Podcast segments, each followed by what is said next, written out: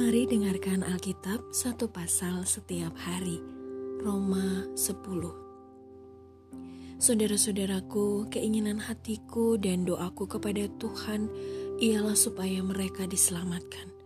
Sebab aku dapat memberi kesaksian tentang mereka bahwa mereka sungguh-sungguh giat untuk Allah, tetapi tanpa pengertian yang benar. Sebab oleh karena mereka tidak mengenal kebenaran Allah, dan oleh karena mereka berusaha untuk mendirikan kebenaran mereka sendiri, maka mereka tidak takluk kepada kebenaran Allah. Kebenaran karena iman, sebab Kristus adalah kegenapan hukum Taurat, sehingga kebenaran diperoleh tiap-tiap orang yang percaya. Sebab Musa menulis tentang kebenaran karena hukum Taurat, orang yang melakukannya akan hidup karenanya tetapi kebenaran karena iman berkata demikian. Jangan katakan di dalam hatimu, siapakah akan naik ke sorga, yaitu untuk membawa Yesus turun, atau siapakah akan turun ke jurang maut, yaitu untuk membawa Kristus naik dari antara orang mati. Tetapi apakah katanya? Ini, firman itu dekat kepadamu, yakni di dalam mulutmu dan di dalam hatimu Itulah firman iman yang kami beritakan.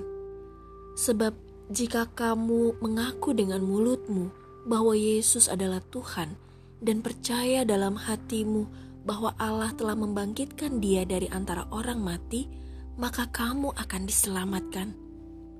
Karena dengan hati orang percaya dan dibenarkan, dan dengan mulut orang mengaku dan diselamatkan.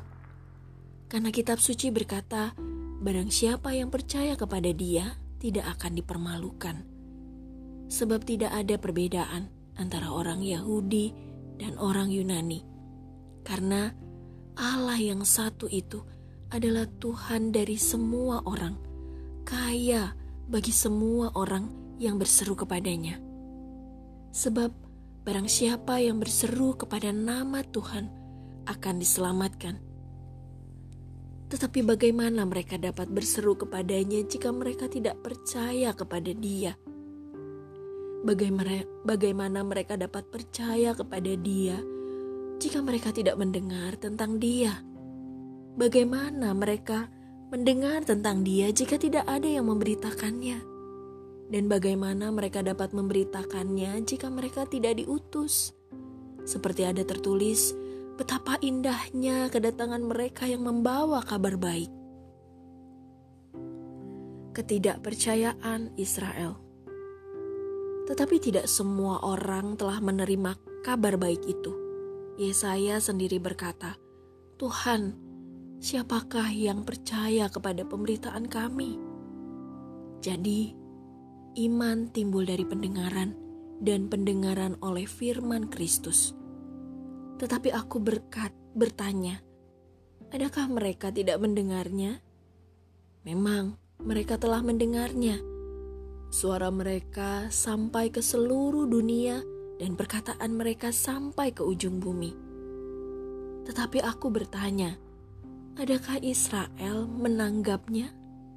Pertama-tama Musa berkata, Aku menjadikan kamu cemburu terhadap orang-orang yang bukan umat dan membangkitkan amarahmu terhadap bangsa yang bebal.